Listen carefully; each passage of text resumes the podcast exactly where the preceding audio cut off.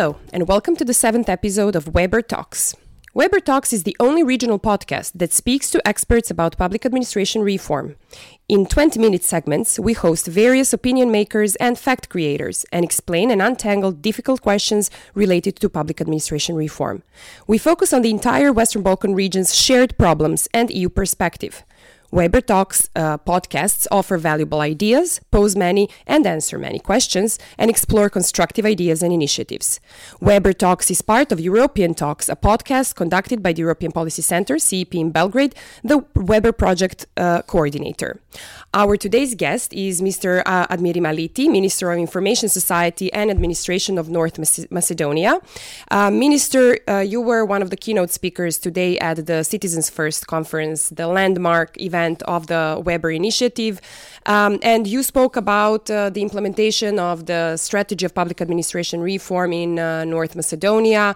Um, could you signal, since this is now the last year of the implementation of the current strategy, could you tell us, for example, what are the two biggest achievements and then two key challenges, biggest challenges that you have observed uh, in the implementation of this strategy? Well, thank you very much uh, for having me in this uh, podcast. Uh, it's true uh, that uh, our last uh, strategy for reform in public administration was drafted in 2018, and its name is 2018-2022. So this is the last year of that strategy.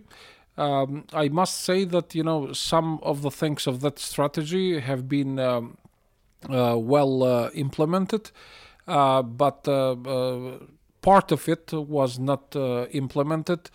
Um, for instance, in that strategy, our colleagues in the ministry have put a lot of uh, uh, laws to be, you know, approved uh, by the government and by the parliament, and we think that was a mistake because, you know, in order to approve the laws in, in parliament and put it in the to be part of the constitution you need uh, a, a, wider consensus. And in places like uh, north macedonia where usually you have a you know a very diverse uh, parliament is hard to to to make a consensus.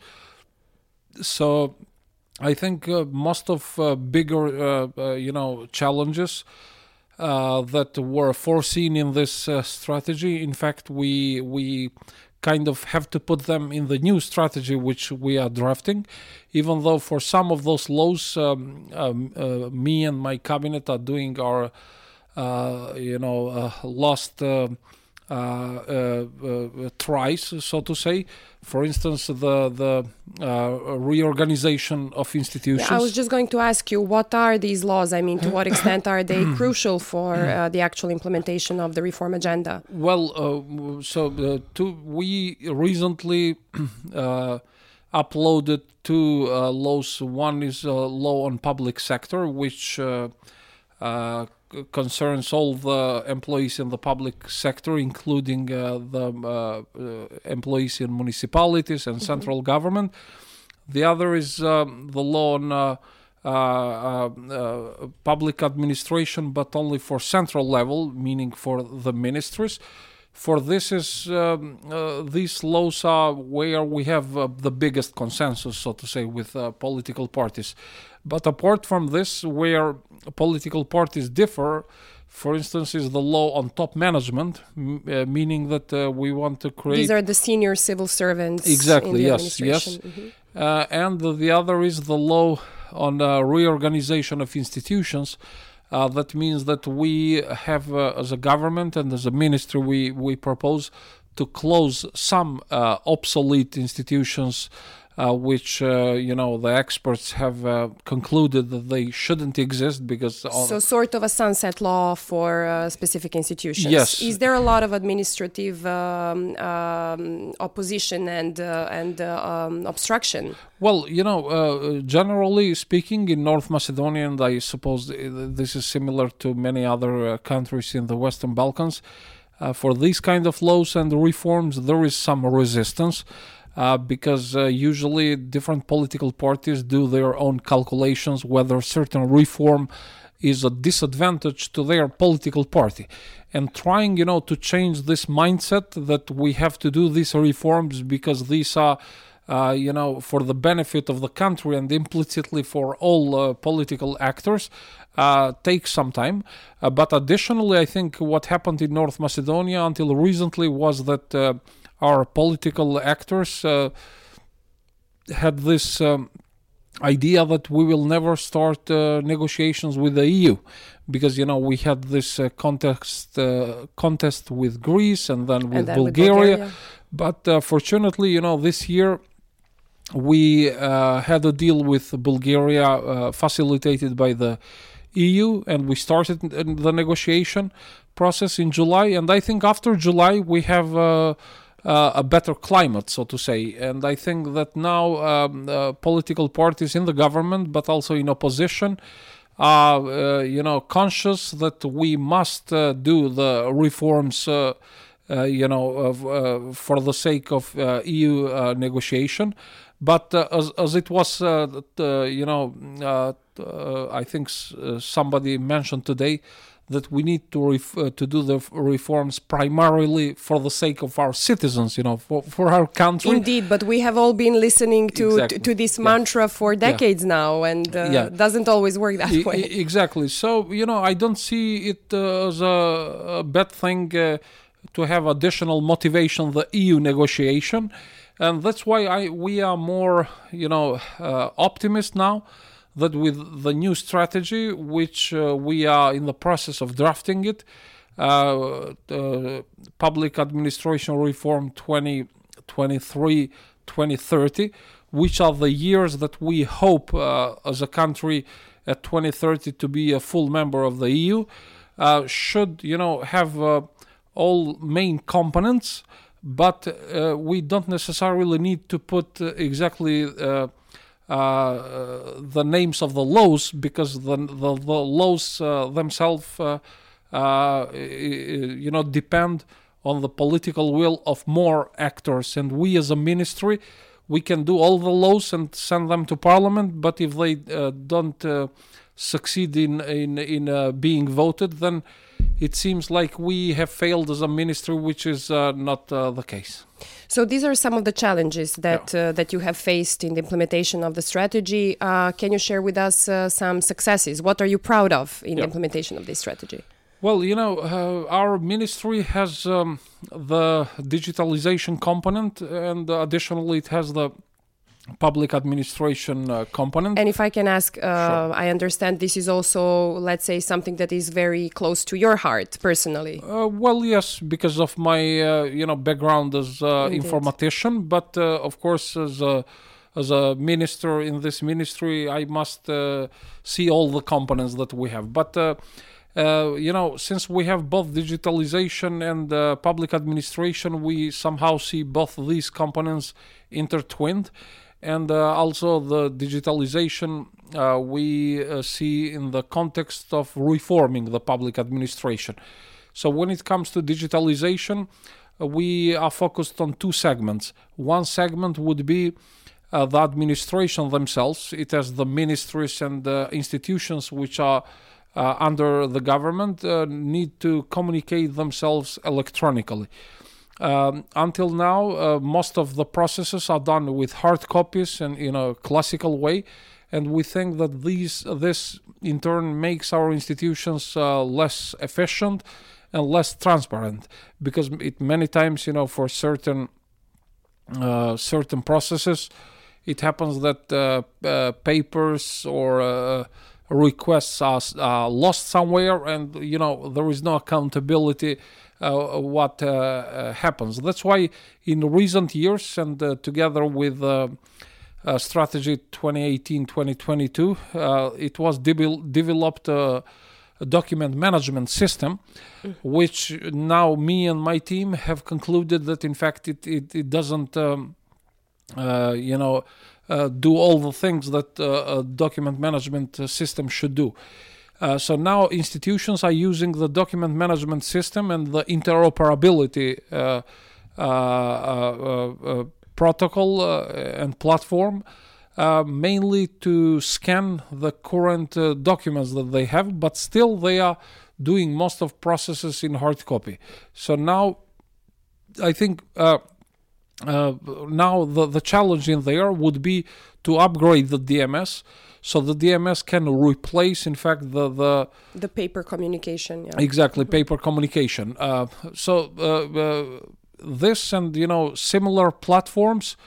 Uh, the idea is that in the future will uh, will enhance you know the communication between institutions because uh, we as a ministry are responsible for uh, you know digitalization also of the uh, ministries and, all other institutions. the other part is the communication of institutions with the citizens. Uh, for this, also we have a, a, a portal that is maintained uh, by the ministry, uslugi.gov.mk. Uh, in recent years and uh, in in This line is basically the e-services portal of the government. Exactly, exactly. So in there we have uh, around 200 services which were done in recent years. Uh, but uh, you know our conclusion now as a new cabinet is that the prioritization of uh, services hasn't been done uh, uh, very well. Uh, that's why uh, my team now is analyzing which services should have priority to be digitalized. And uh, since uh, we also see digitalization in terms of fighting bribery and corruption, which uh, you know we somehow know that exists in some part of uh, of the administration, the focus now should be on uh, services which are m- mostly sought for uh, from citizens. So the most frequent services uh, Exactly. for the So- citizens. so Do you have data on that? Do you have Uh, actual data? Well, you know, we have uh, been talking with uh, uh, uh, ministries and institutions which mostly deal with citizens, because, for instance, my minister directly we don't uh, deal with citizens.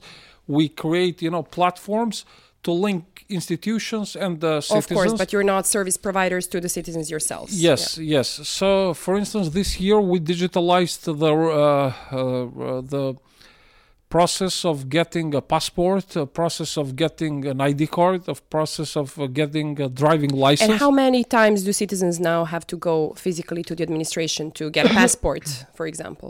Well, uh, you know, we don't have uh, scientific data to see, uh, uh, you know, uh, uh, how how far uh, how uh, often they are they are doing it, but. Uh, there, it, based on information from the Ministry of Interior, these are the services which you know there are bigger requests and there are you know there is anecdotal evidence that there there might be corruption and uh, bribery from some officials who want to expedite things and so on.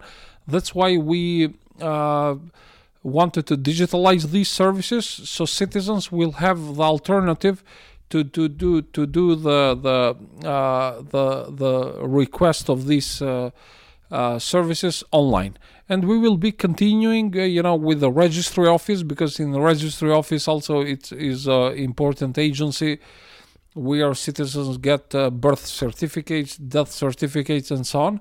So we are working now uh, with them uh, too to digitalize their uh, you know priority services uh, so to say. So my point is you know to summarize on on your question there has been some improvement in recent years in both communication between institutions especially with the DMS and the interoperability platform and with the e-services which is the communication uh, between institutions and uh, citizens.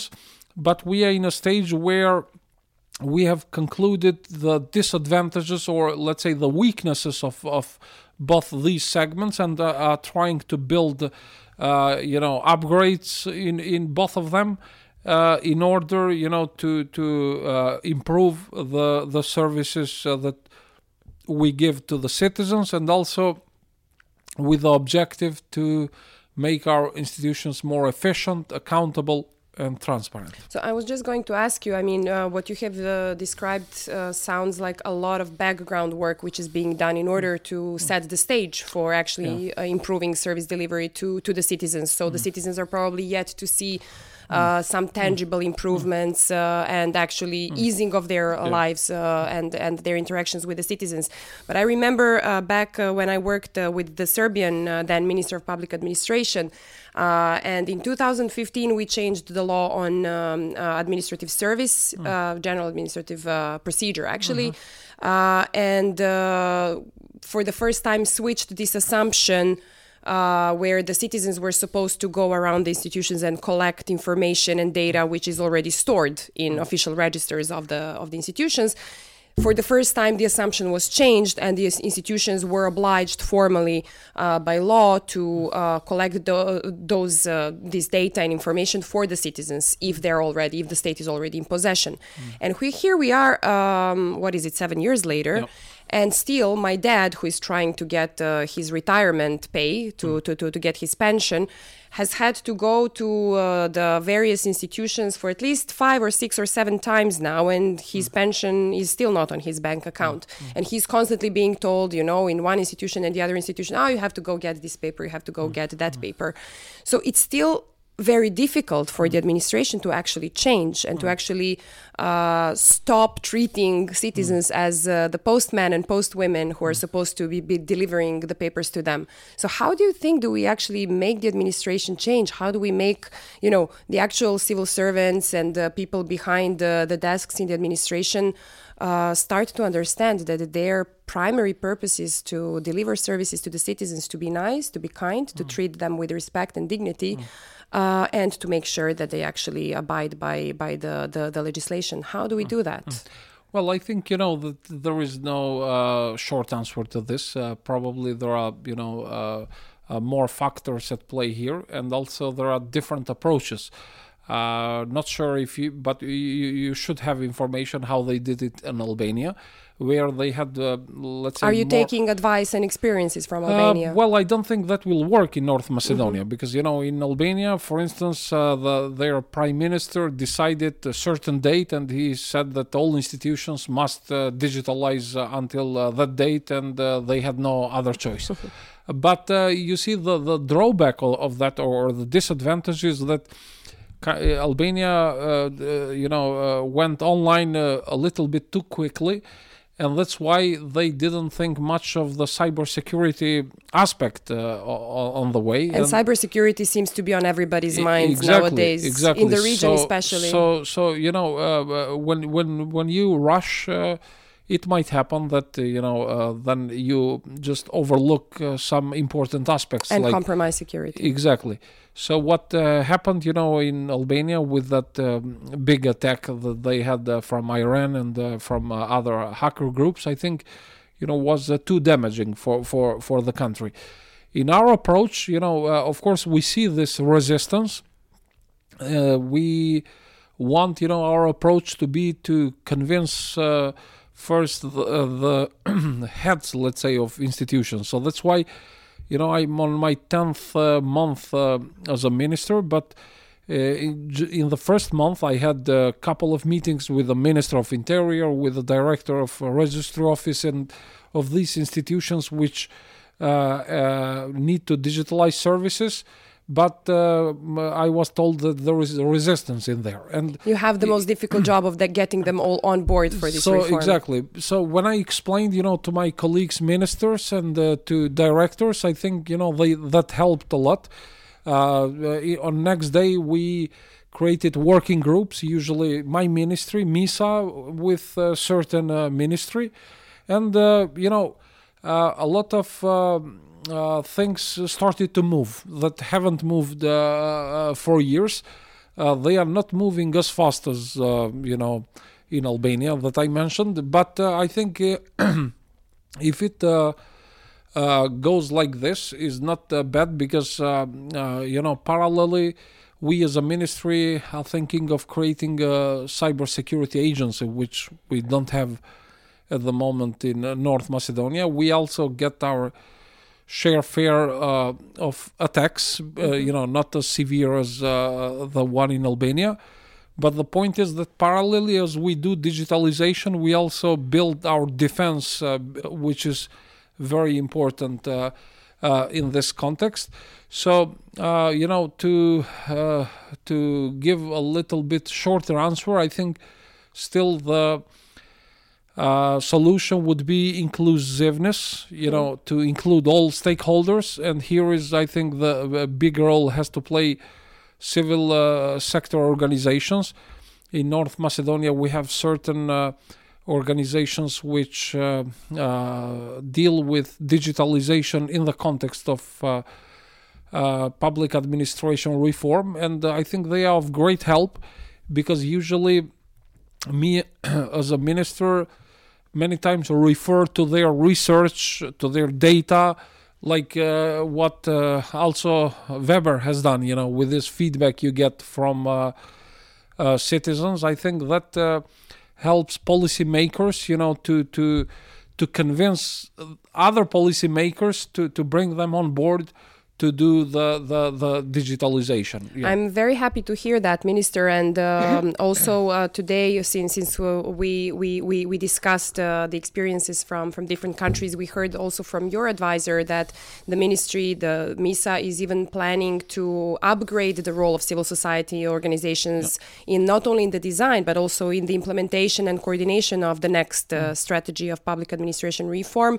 Uh, could you say a couple of words about that for the end, since we are almost. Sure. Well, uh, you know, uh, uh, uh first. Uh, I think that we have empirical data that when um, involving non-governmental organizations, you get a better process. And in the other side, you know, non-governmental organizations are in a better position sometimes to uh, you know, conclude things to, to, to say that this is wrong and this uh, should be done.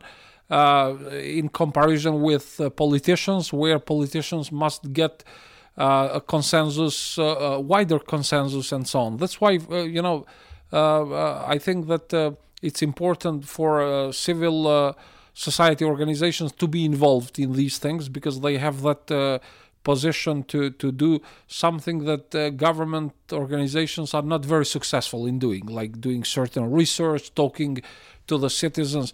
Also, in recent years, the uh, uh, the citizens' trust to government organizations is uh, decreasing, and I think here also uh, non-governmental organizations are in better position to communicate with citizens and get that data and uh, uh, kind of impose that data, you know, to policymakers. Uh, so my, my, I think that you know this approach where we involve um, non-governmental organizations, but not only them. Uh, when it comes to digitalization, we have to communicate also with the private sector, uh, with uh, business, businesses and so on.